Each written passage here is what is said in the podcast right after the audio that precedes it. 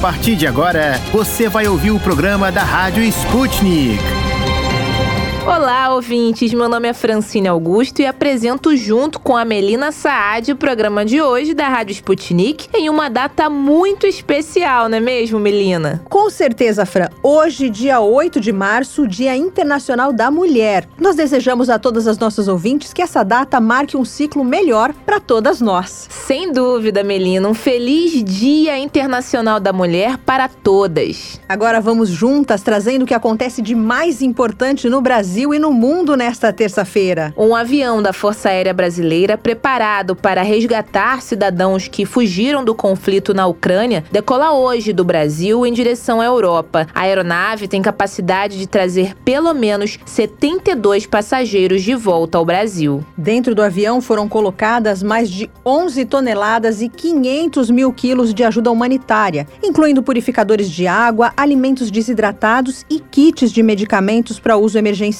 a previsão é que o cargueiro chegue em Varsóvia, na Polônia, na manhã desta quarta-feira. A lista de passageiros que planejam voltar ao Brasil já inclui quase 70 pessoas e ainda não está fechada. Entre os inscritos, além de brasileiros, estão ucranianos com família no Brasil e um polonês. Equipada para transportar animais de estimação, a aeronave deve trazer também seis cães. O presidente da Petrobras, general Joaquim Silva Luna, pode ser convocado para explicar dividendos bilionários. O pedido, que ainda engloba outros dois dirigentes da estatal, foi feito pelo senador Jean Paul Prates, do PT, que é o relator dos projetos sobre combustíveis no Senado Federal. O parlamentar questiona a política de distribuição de lucros da empresa diante dos aumentos sucessivos dos preços dos combustíveis. Ele argumenta que a população é acionista majoritária da estatal e sofre com o aumento dos preços, contrastando com a fartura de dividendos dividendos. Agora, voltando a falar sobre o conflito na Ucrânia, a Rússia se tornou o país mais sancionado do mundo. Ontem, a chefe da diplomacia australiana, Marise Payne, anunciou a imposição de novas sanções contra a Rússia em virtude do conflito, inclusive restrições contra as forças armadas russas e seis comandantes militares. O Japão também revelou seu pacote de sanções, que inclui o banimento para exportação de equipamento de refinaria de óleo para a Rússia. Com as últimas medidas,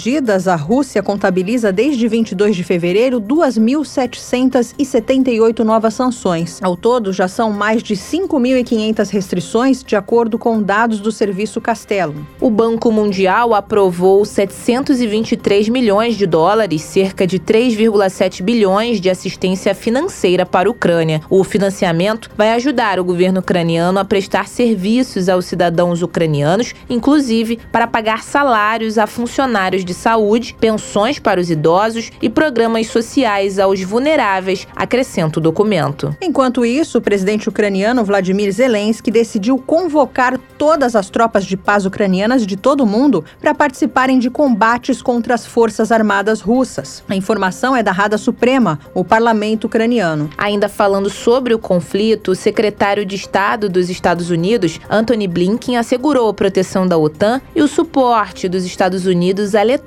e Lituânia durante visita aos estados do Báltico. Junto com a Estônia, as ex-repúblicas soviéticas fazem parte da Aliança Atlântica e a administração Biden busca acalmar quaisquer temores dessas nações a respeito da sua segurança ante as ações da Rússia no leste europeu. Lincoln ressaltou ainda que Washington e a OTAN estão discutindo a instalação permanente de tropas no Báltico, afirmando que a região formou o que ele classifica como um muro democrático contra uma onda autocrata impulsionada pela Rússia na Europa. Fran, agora que nós já atualizamos as notícias do Brasil e do mundo, vamos ver o que nós preparamos no programa de hoje. E no programa de hoje.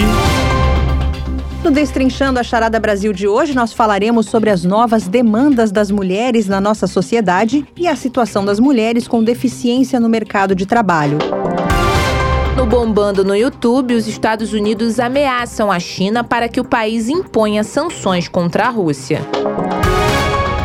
No Você Sabia, que é o nosso quadro sobre curiosidades do Brasil, nós vamos falar sobre as nossas telenovelas, que são referência no mundo. O Deu Russo, que é o nosso quadro de notícias bizarras da Rússia, vai contar como a expressão brasileira ninguém solta a mão de ninguém é usada em uma distante região russa. Destrinchando a charada. De dentro e fora do Brasil. Política, economia, sociedade e tudo que engloba o maior país da América Latina. As charadas mais complicadas do Brasil são destrinchadas aqui Hoje é Dia Internacional da Mulher, uma data que, diferentemente de outras, não foi criada pelo comércio e tem raízes bem mais profundas e sérias. A gente não ganha mesmo presente nesse dia. No máximo, uma flor aqui e ali e também umas piadinhas de quem não tem consciência do porquê o Dia da Mulher foi criado. Em alguns países, a data recebe maior importância do que em outros. Você sabia, Fran, que na Rússia, na Bielorrússia, Macedônia do Norte, Moldávia e Ucrânia, o Dia da Mulher é feriado nacional? Não sabia não, Melina, uma importante data de reflexão sobre o papel da mulher na sociedade. Para quem não sabe, a Organização das Nações Unidas, a ONU, oficializou o Dia Internacional da Mulher em 1975, uma data criada para reivindicar a igualdade de gênero e também o direito ao voto. Hoje, o movimento feminista já engloba outras pautas que são postas em discussão e relembradas na data. O início do Dia da Mulher é meio controverso. Há registros de que as russas foram as primeiras a levantar essa bandeira, a pedir melhores condições de trabalho nas fábricas. E isso data do início do século XX, lá pelos anos 1913. As mulheres russas passaram a celebrar a data com manifestações que aconteciam no último domingo de fevereiro. Ainda na Rússia Imperial, as mulheres saíam em passeata contra a pobreza, o desemprego e as péssimas condições de vida no país. Nos anos seguintes, o Dia da Mulher passou a ser comemorado naquela mesma data pelo movimento movimento socialista na Rússia e também em outros países do bloco soviético. No Ocidente, a data só foi recuperada lá pela década de 60 pelo movimento feminista. Não dá para falar do Dia Internacional da Mulher também sem lembrar do que aconteceu em 1957 nos Estados Unidos, quando 129 operárias de uma fábrica morreram carbonizadas, vítimas de um incêndio provocado intencionalmente, no dia 8 de março em Nova York. A maioria das vítimas eram imigrantes italianos e judias. Para enriquecer essa conversa, vamos chamar mais uma mulher, claro, para o nosso programa, a professora Ana Carolina de Oliveira Meirelles da Costa. Ela que dá aula na rede estadual de História e que faz parte do coletivo Resistência Feminista. Parabéns pelo nosso dia, professora, e muito obrigada por aceitar o nosso convite nesse programa tão especial de uma data mais especial ainda. Professora Ana, vamos começar falando um pouco da história desse dia. Conta melhor pra gente como surgiu o Dia Internacional da Mulher? É um dia de luta para todas nós mulheres, não só aqui no Brasil, mas pelo mundo inteiro. É uma data que se afirmou historicamente a partir da luta das mulheres da classe trabalhadora, espalhada por vários países da Europa, né? Quando nos primeiros anos, aí nas primeiras décadas do século XX, principalmente com as guerras mundiais, as mulheres foram para as ruas, né? Auto-organizadas para lutar por direitos básicos, né, como melhores condições de trabalho, salários iguais para trabalho igual, condições dignas de moradia, contra a fome, contra a guerra. Então é uma data que, apesar, né, da tentativa do capitalismo, né, usurpar, transformando numa data comercial ou numa data branda, é um dia de luta, é um dia de fúria, é um dia para resgatar a luta, né, das mulheres que vieram antes antes e seguir aí esses passos de resistência contra a exploração do capitalismo e contra a opressão do machismo que é também alimentada por esse sistema. As primeiras lutas, como você mesma disse, surgiram por melhores condições de trabalho e também por igualdade. Atualmente, quais são as pautas do feminismo? Pelo que as mulheres lutam? A pauta feminista hoje, a grande bandeira, né, que levantam as mulheres pelo mundo inteiro e aqui no Brasil é a luta contra os ataques cada vez maiores, os ataques cada vez mais intensos sobre direitos básicos né, da classe trabalhadora. Então, a pauta feminista hoje é uma pauta de transformação social, é uma pauta de superação dessa sociedade que a gente vive. Por isso, é uma luta protagonizada, dirigida por mulheres, mas não é uma luta exclusiva das mulheres. É importante, é fundamental que o 8 de março, que os chamados à ação das mulheres, os chamados chamados à ação feministas sejam assimilados, sejam incorporados, é, tenham a participação de homens e mulheres, de todos aqueles que se sentem incomodados, injustiçados com o mundo é, em que a gente vive. Aqui no Brasil, desde 2018, o movimento feminista em unidade, ou seja, mulheres de partidos políticos diferentes, coletivos diferentes, olhares sobre a realidade diferentes, mas que compartilham de um sentimento de que as coisas precisam mudar. Antes dessa entrevista, você me disse que além de professora e feminista, você também é mãe do Antônio e do Heitor. Então, além de receber menos pelas mesmas funções, você ainda trabalha bastante dentro de casa também. Existe alguma pauta feminista nesse sentido? Vários movimentos feministas latino-americanos hoje, em 2022, chamam as mulheres a levantarem uma greve feminista com o tema aí do se nossas vidas não importam, que produzam sem nós. Porque o trabalho doméstico, né, os cuidados com a casa, os cuidados com filhos, os cuidados com os mais velhos, com os idosos, que é parte dessa reprodução social aí da vida, é um trabalho não remunerado, é um trabalho que na verdade muitas vezes sequer é reconhecido como um trabalho, né? É como se fosse parte da natureza feminina assumir essa responsabilidade, assumir esses cuidados e esse trabalho não remunerado, esse trabalho invisibilizado gera hoje estudos já aí estatísticos, né, estudos da economia mostram como é que esse trabalho invisibilizado, não reconhecido, gera lucros e mais lucros, né, para donos de empresas, para empresários que estão nos governos, né? Então, acho que falar de salário igual para trabalho igual é uma perspectiva que não está dentro da sociedade que a gente vive, né? Para a gente alcançar essa igualdade salarial entre mulheres e homens, é preciso pensar numa outra sociedade, né, é, que não seja alimentada por essa divisão, por essa desigualdade entre homens e mulheres. O Brasil é um país machista? A religiosidade contribui para isso? O Brasil é um país extremamente machista, né? O Brasil é um país recortado racialmente. A condição das mulheres negras é, é precisa ser o norteador né, das lutas do movimento feminista. Então, essa combinação né, de um conservadorismo com sustentado aí por uma base religiosa fundamentalista, né, e aí óbvio que a gente não está falando de todas as religiões ou de todos os religiosos e religiosas, ao contrário, hoje na luta, por exemplo, por direitos, pela, por direitos reprodutivos e sexuais, na luta por justiça reprodutiva, as mulheres,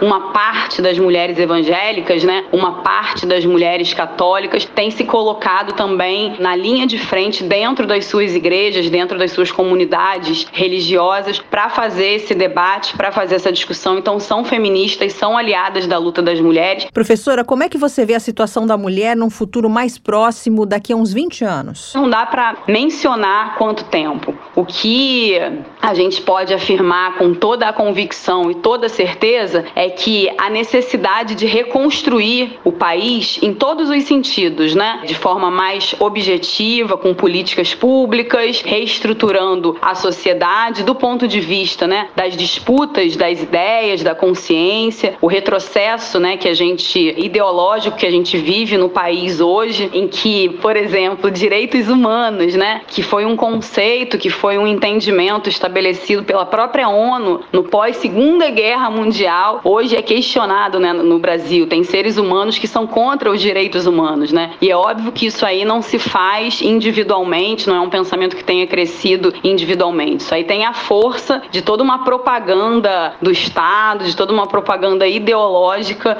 que estimula esse tipo de pensamento. Então, eu acho que a certeza que a gente tem que ter todos os dias quando a gente se levanta, estou falando especialmente de nós, mulheres, feministas, é de que essa reconstrução brasileira, de que essa retomada aí de direitos Isso não passa por governos exclusivamente, né? Isso não passa pela escolha que a gente vai fazer em outubro nas urnas exclusivamente. É a reconstrução do país, os avanços que a gente quer, os direitos que a gente não quer perder e que a gente quer retomar e avançar são parte de lutas sociais. Tá aí, essa foi a professora de História e componente do coletivo Resistência Feminina, Ana Carolina de Oliveira Meirelles da Costa, mãe do Antônio e do Heitor. Obrigada, professora, e até uma próxima oportunidade. Agora a gente vai chamar outra mulher que também milita pelos direitos da mulher, a Janice Sodré, mestre em assistência social. Ela estuda o feminismo sob a perspectiva da reprodução social. Janice, já começo perguntando: temos o que comemorar no dia 8 de março? Nós temos o que comemorar nesse 8 de março. Eu fiz uma pequena apresentação em que eu dizia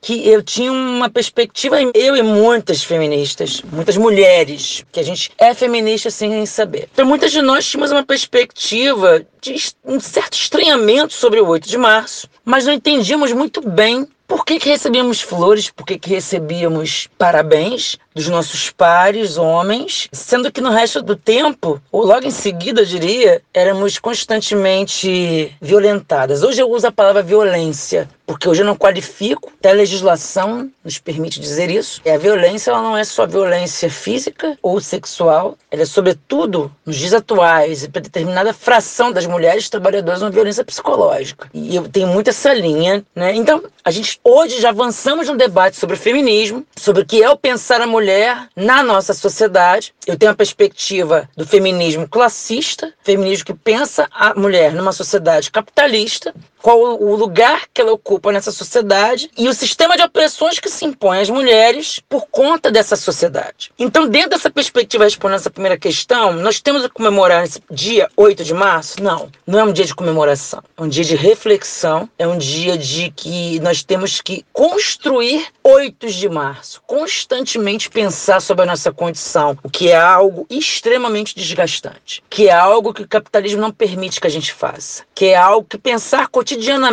desse lugar onde nós somos colocadas, de cuidado constante da família, dos pais, dos filhos, do cuidar, do cuida, cuida da família, da administração da vida de toda a sociedade e ainda receptáculo de reprodução social, a gente não consegue pensar sobre essa coisa que nos adoece, nos oprime. Janice, o Brasil é machista? O Brasil é uma expressão de uma sociedade de classes que tem uma particularidade ter tido uma experiência de escravidão mais longa do que outros países, mas tem a particularidade que vai incidir de forma muito mais grave sobre as mulheres negras e sobre as mulheres indígenas de alguma forma, né? A gente tem um histórico de estupro. A gente tem, o Brasil é filho do estupro, né? É filho de degradados e estupradores, estupradas. Não digo que as mulheres brancas também não eram. Aliás, eu tenho quase certeza que sim, porque na minha perspectiva o casamento arranjado nos moldes em que se dava, ele não deixa de ser um estupro. E aí o Brasil é um país machista, ele é uma expressão de uma sociedade em que a mulher tem um lugar em que ela está aqui como não sujeito, quiçá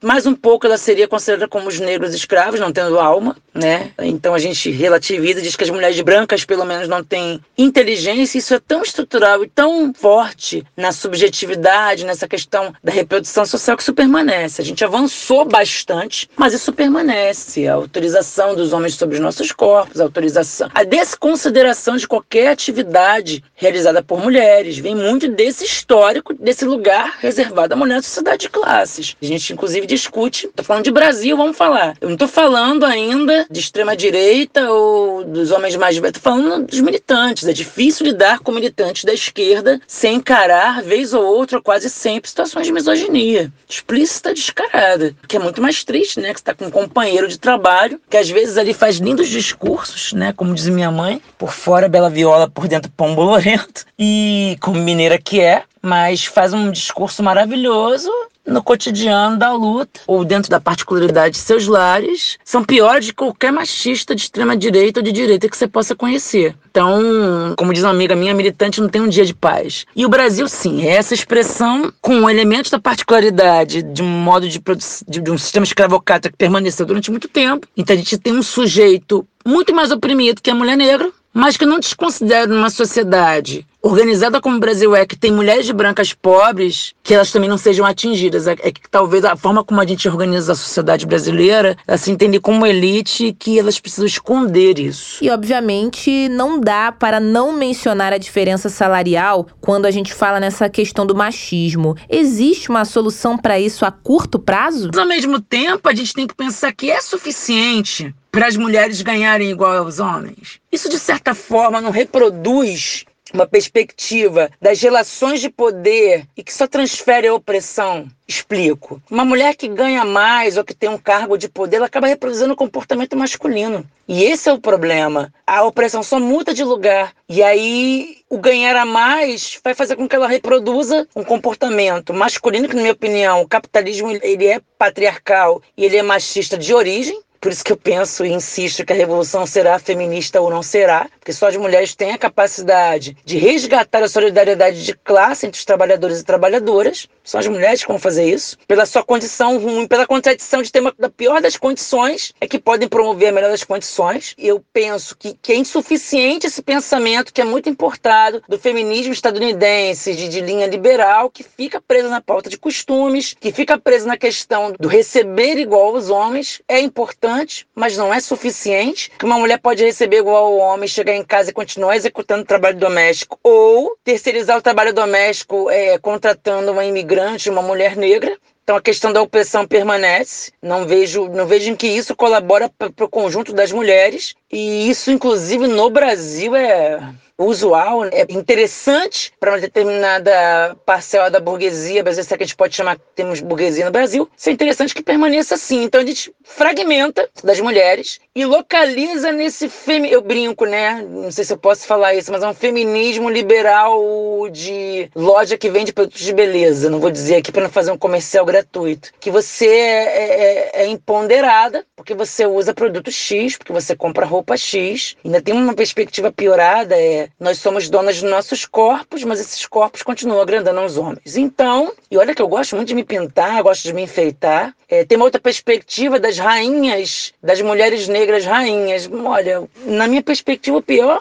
sistema de governo é monarquia, né? Está implícito na monarquia a opressão. Então, é, não respondem apenas as questões que eu me coloco enquanto feminista que me responde mesmo um feminismo que conversa com a minha mãe. Inclusive, entender melhor o feminismo fez com que eu conversasse com mulheres mais velhas, que eu conversasse com a minha mãe, que eu entendesse meu trabalho, que eu entendesse as mulheres que acabam expulsando seus filhos gays de casa porque não tem nenhum controle, nenhuma participação na organização da casa, apenas uma organização subserviente, e acabam tendo que mandar seus filhos para fora. Ou seja, uma rede de processos que se dão em a base ao patriarcado. Essa foi a Janice Realina Sodré, mestre em assistência social social e também estudante do feminismo. Janice, muito obrigada. O bate-papo de hoje fez a gente pensar muito, né, Fran? Com certeza, Melina. E continuando a falar sobre o papel das mulheres na nossa sociedade, a gente conversa agora sobre as mulheres com deficiência no mercado de trabalho. O total de pessoas com deficiência exercendo alguma atividade profissional hoje é cerca de 372 mil, de acordo com dados do Ministério da Economia. Ainda segundo o Ministério, houve um aumento de 12 2,42% no número de contratações de pessoas com deficiência, isso entre os anos de 2015 e 2019. Mas o país tem mais de 17 milhões de pessoas vivendo com alguma deficiência e quase a metade desse contingente é formada por idosos. Dados que indicam que há muita gente ainda a ser incluída no mundo do trabalho. Segundo o levantamento do IBGE, apenas 28,3% das pessoas com deficiência com idade para trabalhar estão no mercado. Pois é, Fran, e no meio desses números estão as mulheres, que ainda tendem a enfrentar outros desafios além dos vários preconceitos em relação à deficiência. Um dos que figuram nessa lista, Melina, é o receio dos empregadores de que a pessoa com deficiência não consiga exercer a atividade profissional com competência. E muitas mulheres ainda se queixam do fato de ainda terem que provar que o gênero não as impede de fazer os trabalhos com a mesma qualidade que um profissional do sexo masculino. Nossa, são tantos os estereótipos que a gente decidiu convidar uma especialista para falar sobre esse assunto. É a Carolina Ignarra, consultora em inclusão de pessoas com deficiência no mercado de trabalho. Pelo trabalho que desenvolve, Carolina Ignarra ficou entre as 20 mulheres mais influentes do Brasil em 2020 na lista da revista Forbes. A experiência de Carolina não costuma ser comum no mercado de trabalho. Ela voltou a trabalhar apenas três meses depois que se tornou cadeirante e recebeu bastante incentivo da empresa para poder retornar. Carolina, ainda é um desafio para as mulheres com deficiência ter que provar que podem realizar as tarefas para as quais são contratadas? Existe uma cultura muito paternalista, uma cultura muito protetora, uma cultura que tem um histórico, né, a gente vem de processos de inclusão bastante distorcidos do que de fato o respeito pede. Então, quando a gente pensa no histórico da humanidade, no histórico da deficiência na sociedade, a gente vem movimentos que antes eram movimentos da, a gente, a gente fala que é o movimento da doação, né, que a pessoa com deficiência era um pedinte e a sociedade dava, né, esmola. Depois vem um modelo médico, que é um modelo de reformar a gente, tentar fazer a gente ter o menos deficiência possível.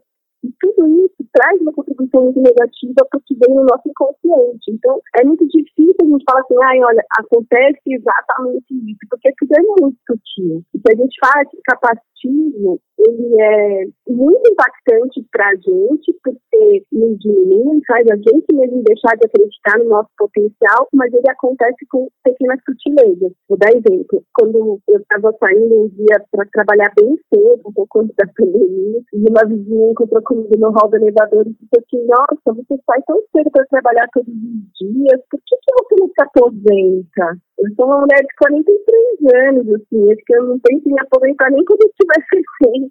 Mas é eu entendo que o movimento dela é, Carol, quero te proteger, você já não anda, você precisa desse esforço todo, mas de uma certa forma ela duvida do meu potencial. E essa aposentadoria, essa, esse benefício para a pessoa com deficiência ficar em casa, ele existe, ele é presente na nossa política. E ele é necessário para alguns casos. Ele só não se enquadra todos, né? Nem todo mundo precisa. A produtividade é importante para a gente se sentir persistente. Então, são sutilezas do dia a dia, como por exemplo, porque você não se aposenta, como por exemplo, eu estava na Avenida Paulista um dia e eu recebi uma esmola. Uma mulher deixou dois reais no meu colo e saiu. E nem olhou para mim, né? Se ela tivesse olhado um pouquinho, provavelmente ela perceberia que eu não estava ali pedindo dinheiro, nem precisava da doação dela. Então, quando a gente passa por essas opressões, elas são sutis e elas não são facilmente relatadas, sabe? Esse seu relato reforça a necessidade de se falar desse assunto cada vez mais.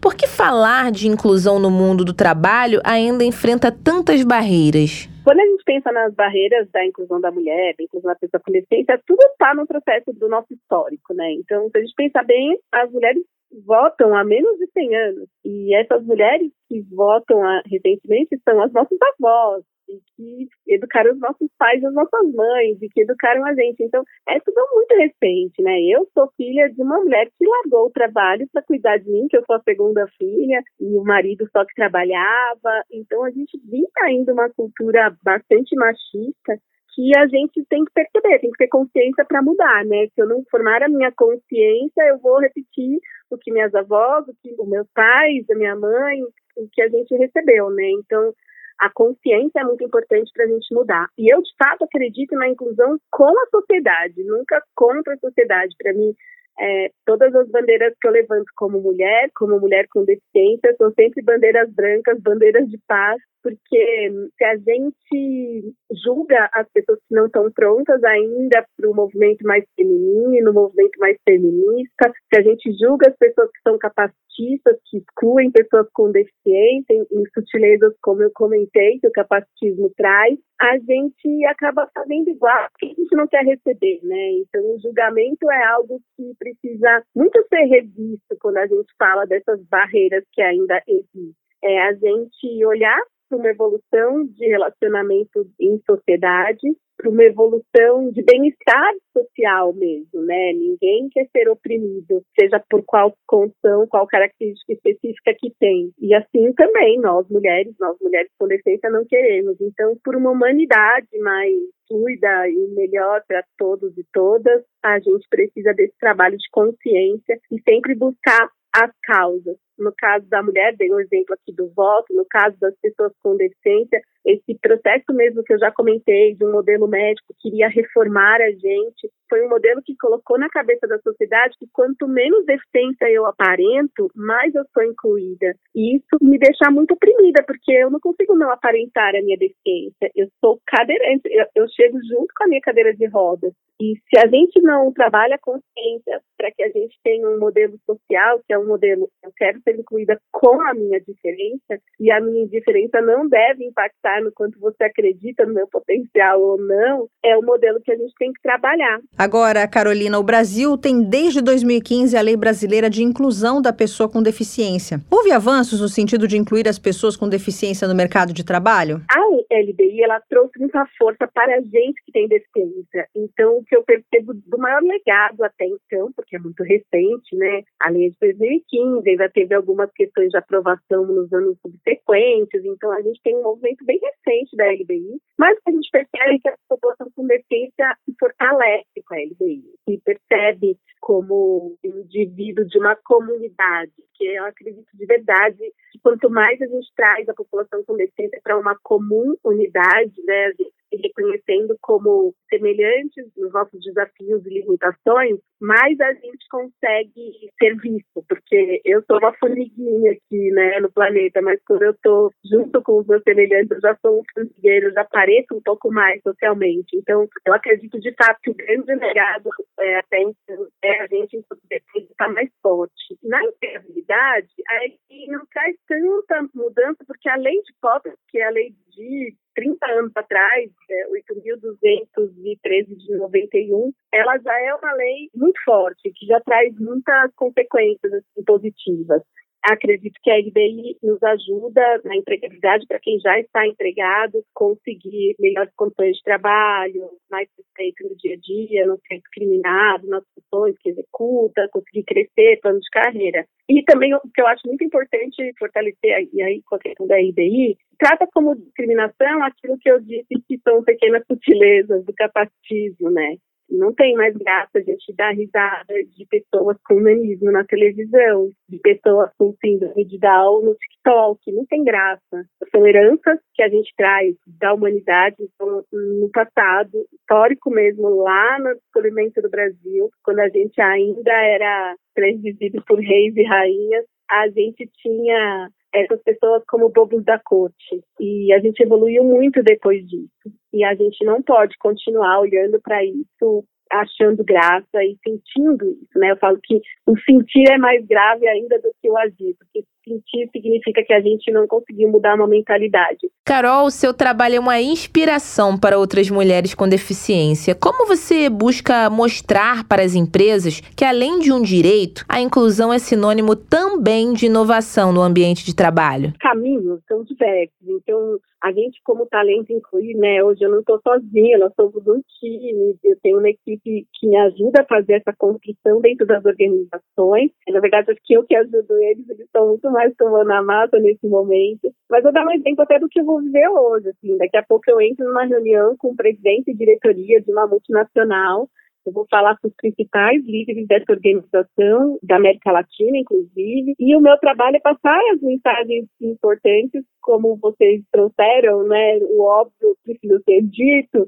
A gente traz e traz na fala, na boca de outras consultorias e outros órgãos bem é, referenciados por esse público. Então, eu trago pesquisa da Deloitte, eu trago pesquisa da McKinsey, eu trago coisas atuais globais, trago dados, trago estatísticas, porque a gente tem que, de fato, provar para um cara que está lá, uma, uma, mulher, um homem que está numa alta liderança, é um cara que precisa olhar o todo estrategicamente, né? Então a gente tem que mostrar os números. Então esse é um caminho, mostrar os números. E o outro caminho é trazer as questões conceituais. Então, um dos conceitos que é muito forte dentro do que a gente traz é a questão da inclusão por convicção. Então, obviamente, os dados todos que a gente mostra que vai crescer a empresa, vai ter mais inovação, vai ter um ambiente melhor para as pessoas trabalharem, vai economizar em né? tudo isso é importante, mas não é por isso que eles devem fazer, né? Eles devem fazer porque entenderam que é o certo a ser feito. Então, existe um processo de inclusão por obrigação, que aqui no nosso país isso é forte, a gente tem a lei, precisa ser cumprida,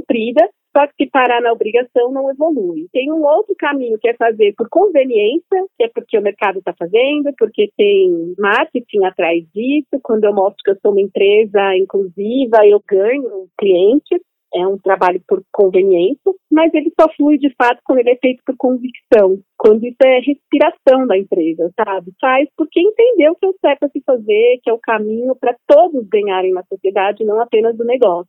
Agora, a gente sabe que as tecnologias, das mais simples até as mais avançadas, como as tecnologias da informação, podem auxiliar e muito a pessoa com deficiência a executar as suas tarefas no ambiente de trabalho. As empresas já estão preparadas para oferecer essas tecnologias? Essa parte, né, de ajuda técnica, de tecnologias, eu costumo dizer que quando a gente compara com a acessibilidade arquitetônica, que é a rampa para o cadeirante, a barra para o sanitário, são mais concretas, né? A necessidade é percebida de uma forma muito concreta para quem é executivo e quem está ali mandando no orçamento da organização, né? Agora, a barreira mais difícil da gente quebrar é a que vem antes, que é a atitude. Então, o que eu digo é, é mais fácil quebrar cabeça ou tijolo? Obviamente, a maior parte das pessoas dizem que tijolo é mais fácil. Só que quem quebra o tijolo é a cabeça. E aí eu uso essa mesma analogia para falar da tecnologia, né, que tem mais a ver com pessoas com deficiência intelectual, mas também pessoas com de paralisia cerebral, pessoas com deficiências motoras que precisam de mais tecnologia para usar,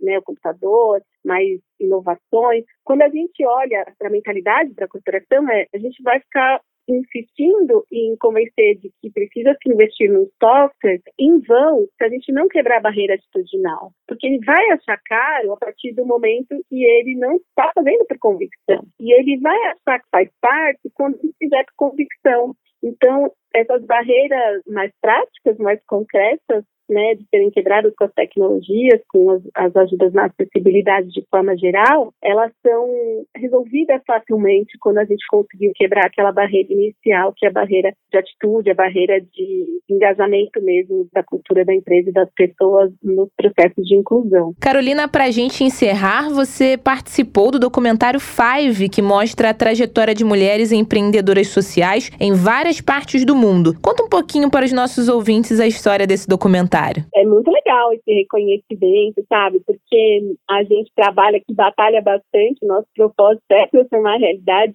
de pessoas com deficiência, o nosso trabalho é promover a equidade nas relações humanas de forma geral, mas quando a gente nada, nada e não recebe medalha, a gente fica mais cansada, né? Então, acho que esses é, reconhecimentos, como estar no documentário, também estive na lista das 20 mulheres mais poderosas do Brasil da revista Forbes em 2020. São reconhecimentos importantes que vão me dando energia para continuar. E o que me faz mais feliz quando eu recebo esses reconhecimentos é perceber a representatividade disso, né? Então, o documentário faz eu sou a única brasileira e a única mulher com deficiência que tem um negócio para pessoas com deficiência, né? E essa representatividade é muito importante para a gente quebrar aquilo que eu comentei aqui no nosso papo, né? As pessoas com deficiência se sentirem mais fortes, mais pertencentes a uma comunidade, a gente precisa se ver. Se eu não vejo nenhuma mulher numa cadeira de liderança, se eu não vejo nenhuma mulher numa novela, num filme, né, em algum reconhecimento importante, eu também não acredito que eu tenho chance de chegar lá. Obrigada, Carolina, pela sua participação. Esse assunto merece muito ser debatido, né, Fran? Merece sim. Vamos trazer outras vezes aqui para a Rádio Sputnik. Com certeza. E o Destrinchando a Charada Brasil de hoje fica por aqui. Até amanhã.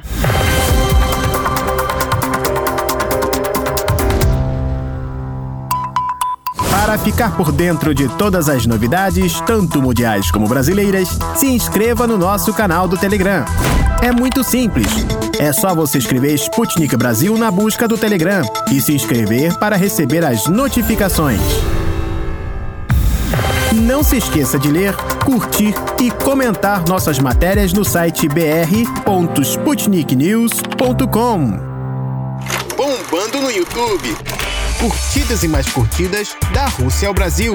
Confira com a Rádio Sputnik os vídeos que receberam mais likes e visualizações e estão no topo do YouTube. E fique por dentro do que está sendo filmado por amadores ou profissionais pelo mundo afora.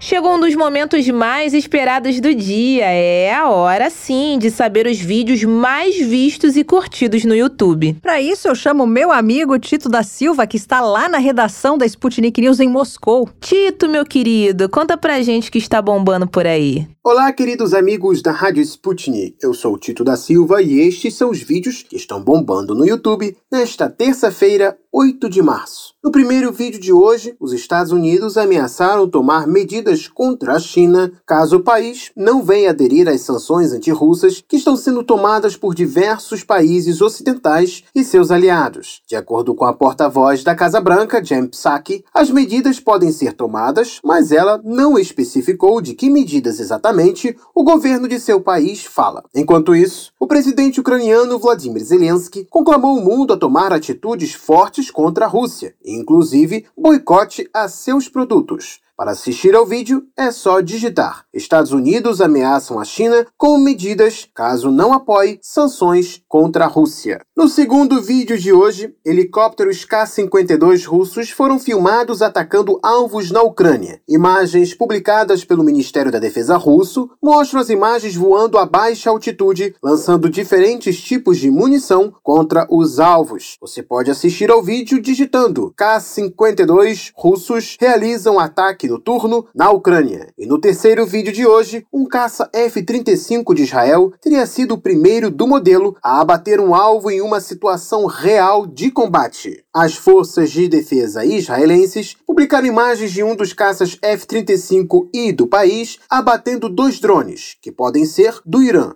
O caso teria ocorrido em março de 2021, mas as imagens só foram divulgadas recentemente pelo país. Na ocasião, os drones seguiam em direção ao território israelense e foram interceptados, posteriormente abatidos em uma operação coordenada entre Israel e outros países do Oriente Médio. O vídeo você encontra digitando Israel mostra F-35 abatendo alegados drones do Irã. No quarto vídeo de hoje, o premier paquistanês Imran Khan fez um duro discurso contra a União Europeia e a OTAN após ele ter recebido uma carta do embaixador da União Europeia pedindo um posicionamento contrário à Rússia. No discurso, o premier afirmou que, apesar dos esforços e apoio do Paquistão à luta contra o terrorismo promovida pela OTAN, líderes ocidentais nunca disseram nenhum obrigado ao governo paquistanês. Para assistir ao vídeo, digite Premier do Paquistão dá dura resposta à União Europeia após bloco pedir apoio contra a Rússia. E no quinto vídeo de hoje é especial especialmente para aqueles que gostam de enviar mensagens em grupo no WhatsApp. O canal Mundo da Administração fez um vídeo com uma mensagem muito bonita para todas as mulheres e você pode usar esta mensagem para parabenizar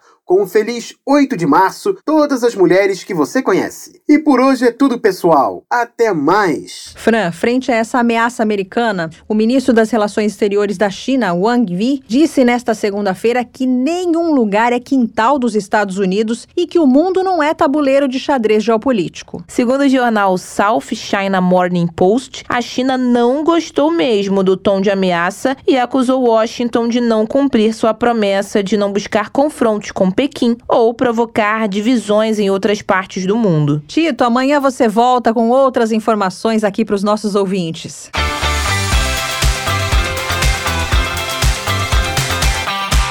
Está à procura de notícias com outros pontos de vista e posicionamentos? Curta nossa página no Facebook. É só digitar Sputnik Brasil na busca do Facebook e deixar sua curtida. Você sabia? Não? Agora vai saber! Num país gigante como o Brasil, sempre há mistérios ou peculiaridades históricas que merecem ser desvendados. Vem com a gente descobrir! Olá, ouvintes. Acredito que todos aqui já acompanharam atentamente alguma telenovela brasileira. Afinal, elas fazem parte da cultura do nosso país. Sem dúvida, Fran, nós somos uma nação noveleira. Mas vocês sabiam, ouvintes, que o Brasil é referência mundial no segmento? Pois é, somos um dos maiores produtores mundiais do gênero e temos sim novelas que foram exportadas para centenas de países. O Clone, Laços de Família e Avenida Brasil certamente devem estar no topo das novelas brasileiras mais exportadas. Faz parte da rotina da minha família. Agora, quem entende mesmo de novela é a nossa convidada de hoje, a Samita Nunes. Muito obrigada pela participação, Samita. Para quem ainda não conhece, a Samita é jornalista e criadora do podcast Noveleira Mesmo. Para começar, Samita, explica pra gente qual é o apelo das telenovelas brasileiras aqui e no mundo? Bom, as novelas elas amealham um público grande porque eu acho que desde que o mundo é mundo, a gente gosta de ouvir histórias. As pessoas se interessam por histórias, se envolvem em histórias, e a telenovela é uma grande contação de história. A gente acaba envolvido nessa trama, a forma como ela é contada, as influências que a telenovela veio sofrendo, né, ao longo do seu histórico, a matriz cultural. Então, eu acredito que a base, a essência do sucesso da telenovela é contar histórias. E também tem a questão da forma como ela é contada, os ganchos, as personagens, a identificação que ela gera no público, o modelo, né? A gente tem, por exemplo, séries, seriados que são grandes novelões, porque acabam não fugindo do melodrama e do folhetim, trazem esses elementos também tão presentes nas novelas. Samita, nós sabemos que antes da teledramaturgia aparecer no Brasil, nós já tínhamos os folhetins, o teatro e as radionovelas. Essas são as principais referências dos produtores de telenovelas brasileiras? A gente tem como referências né, da produção de teledramaturgia de telenovela brasileira todos esses que foram citados, né? O teatro, a radionovela e os folhetins e também o melodrama. Acho que um grande diferencial das novelas brasileiras foi, de fato, a influência do teatro, porque, sobretudo no período da ditadura militar, quando alguns intelectuais e dramaturgos do teatro foram censurados e não podiam trabalhar no teatro, eles acabaram migrando para a TV. Um grande exemplo disso é o Dias Gomes, né, que ele teve muitas de suas peças, de seus espetáculos censurados no teatro e também na TV. A maioria ele conseguia levar por exemplo, o Berço do Herói, né? Todo mundo sabe, esse é um clássico, foi censurado no teatro e ele levou para a teledramaturgia como Rock Santeiro e foi censurado também, e Rock Santeiro ficou 10 anos na geladeira. Mas enfim, o Dias e outros intelectuais do teatro, eles trouxeram essa coisa do protesto, essa coisa de driblar a censura, de falar das questões sociais na telenovela. Então isso foi muito importante para formatar a telenovela como a gente conhece hoje em dia, não só através do Dias, mas por exemplo também a mulher dele, né, que era a Janete Claire, também trouxe esse cotidiano, essas questões questões do dia a dia para a telenovela e eu acho que isso moldou muito a novela como a gente conhece. Mas tem aí interferência das rádios novelas também, dos folhetins, do melodrama. Tudo isso tá no pacote do que é a novela brasileira. E quais foram as telenovelas brasileiras mais exportadas e exibidas no exterior? A gente tem uma tradição aí em exportar novelas para o mundo todo, desde o primeiro fenômeno de exportação que a gente teve que foi a escravizaura, né, que todo mundo pensa quando se fala em quais novelas foram mais exportadas, mas a verdade é que é com a globalização e com, enfim, muita coisa que aconteceu nos últimos anos, esse pódio aí foi mudando. Hoje em dia a gente tem, em primeiro lugar, Avenida Brasil, que foi exibida em 148 países, temos Totalmente Demais, 135 países. A gente tem A Vida da Gente também, uma novela de Lícia Manzo, que é autora da atual novela das nove, né? Um Lugar ao Sol, foi exportada para 132 países. E aí tem Caminho das Índias, da Cor do Pecado, temos o Clone, que está na segunda reprise do Vale a Pena Ver de Novo, e lá em décimo lugar temos Laços de Família, que é um grande sucesso aí do Manuel Carlos. Todas essas novelas foram um sucesso de audiência aqui no Brasil e foram amplamente exportadas. São ótimas novelas, cada uma seu estilo, né? Diferentes autores, a gente tem o João Emanuel Carneiro, totalmente demais, é Rosane Svartman e Paulo Raum. e Caminho das Índias, o clone a Glória Pérez, que tem seu estilo bem marcado, e da Cor do Pecado também, outra do João Manuel Carneiro. A que você acredita o sucesso dessas produções em particular? Os motivos para essas novelas serem tão compradas, né, tão vistas no exterior, são muitos e eles variam de uma para outra, né? Por exemplo, a Avenida Brasil tem um grande apelo popular, é uma novela que foi muito feliz em, em ter uma linguagem e personagens e núcleos que falam diretamente para as classes C e D. Tem uma história de vingança que chama muita atenção e que desenvolve uma mocinha com ares de vilã, né? Ela não é aquela mocinha passiva, sofredora. Ela é uma mocinha que é agente da ação, né? Empoderada, que vai criando ali armadilhas para vilã. Uma vilã super carismática como a Carminha. Então foi realmente um fenômeno no Brasil, um fenômeno na Argentina e tem total merecimento de estar aí no primeiro lugar desse pódio. Além do mais, também era uma novela que unia o futebol, que chama um público masculino. Também a gente já tinha tido isso lá em Irmãos Coragem, que foi um fenômeno de audiência também do Janete Claire. Totalmente Demais é uma novela que conta a história de uma Cinderela moderna, então é um clássico, né? Quase toda geração se apaixona por essa história da menina pobre que acende, e a novela tinha esses elementos de contos de fadas moderno. A vida da gente traz aí um conflito ético com duas protagonistas que viram antagonistas no meio da novela, foge um pouco do formato clássico de novela, foi uma inovação da Alicia e mobiliza muito o público, né? Quem torce por uma e por outra irmã, Ana e Manuela. Então são vários os elementos e eu acho que são histórias universais, histórias que falam para todos os públicos. As telenovelas mexicanas produzidas pela Televisa, como Rubi e Maria do Bairro, fizeram muito sucesso aqui no Brasil.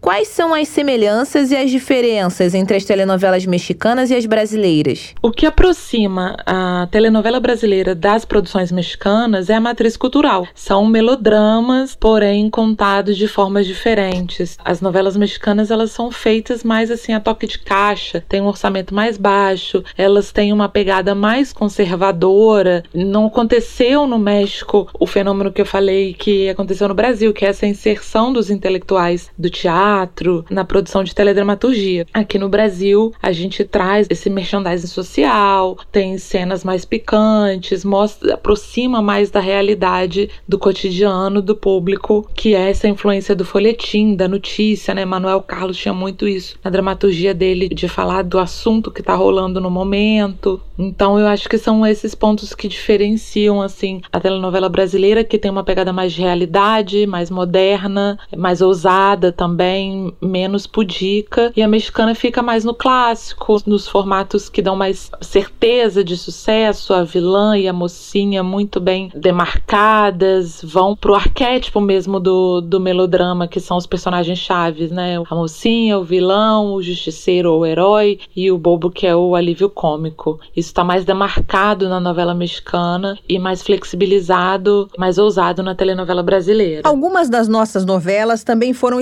exportadas para o México. Como o público desses dois países recebem as produções um do outro? No Brasil, a novela mexicana tem muita força, tem um público, uma fatia do público que ama, que é apaixonado, a galera que assistiu nos anos 90 pela SBT, né, trilogia das Marias, e mais recentemente tem tido aí muita força, até com a chegada dessas tramas no Globoplay. É, então existe um nicho, a novela mexicana sempre foi muito bem recebida, tramas inclusive infantis, né, carrossel, enfim, se tornaram clássicos. Tem muita gente que não gosta do formato, que acha muito quadrado, muito ultrapassado, mas existe um público fiel das novelas mexicanas. Agora, sobre como as novelas brasileiras são recebidas no México, aí eu não sei dizer.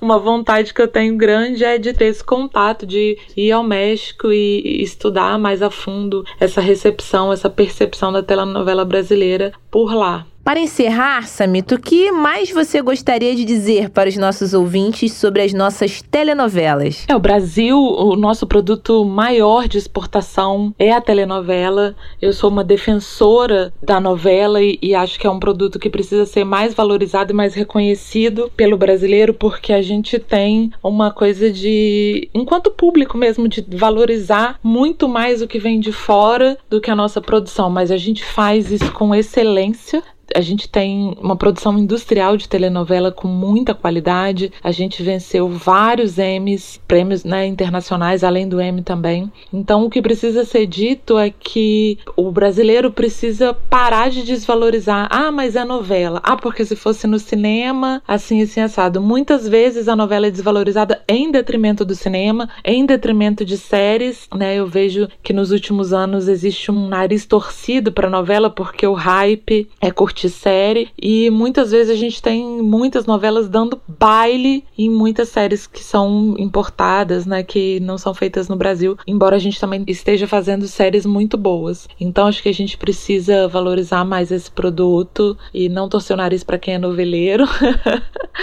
entender que é um grande diferencial, um grande trufo que a gente tem de produto de teledramaturgia de muita qualidade que precisa ser mais valorizado e reconhecido. Samita, muito obrigada pela sua participação. Eu adorei a nossa conversa. Com certeza, Melina, foi ótima. Esperamos contar com a participação de um especialista por aqui mais vezes. O Você Sabia de hoje fica por aqui. Até a próxima.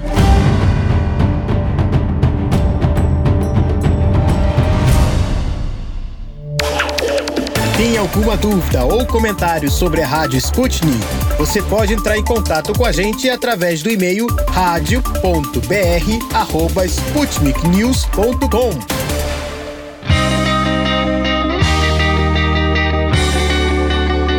Deu Russo. De notícias bizarras do Brasil já estamos mais que saciados. E as bizarrices que acontecem na Rússia, hein? É outro nível, rapaziada. Ih, deu russo!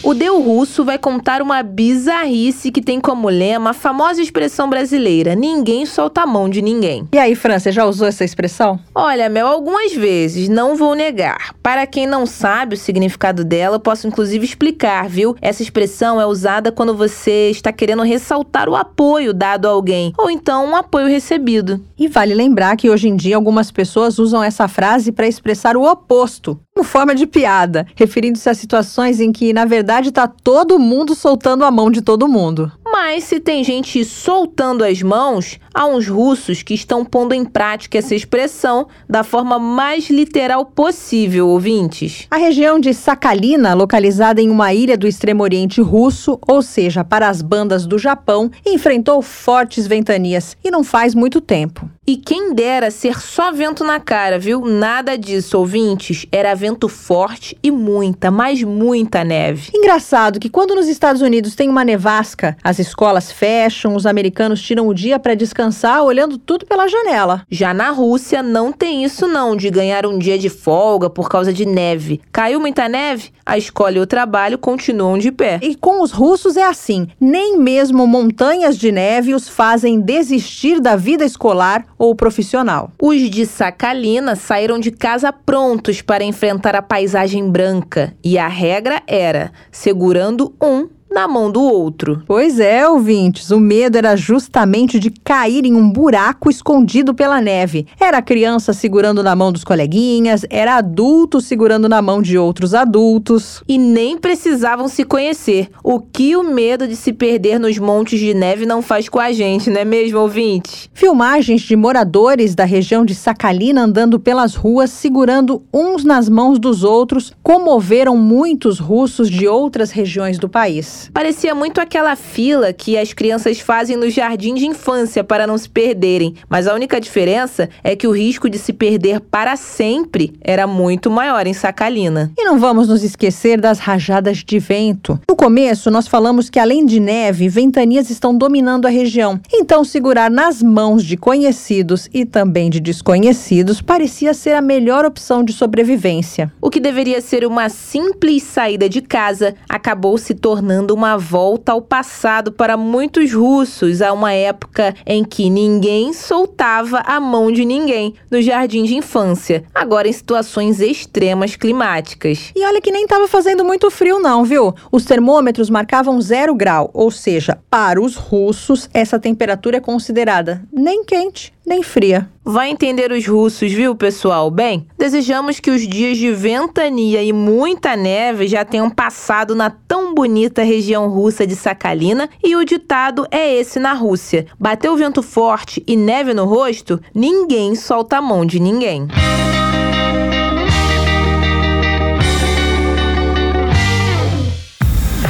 Não se esqueça de ler, curtir e comentar nossas matérias no site br.sputniknews.com. Hora de dar tchau.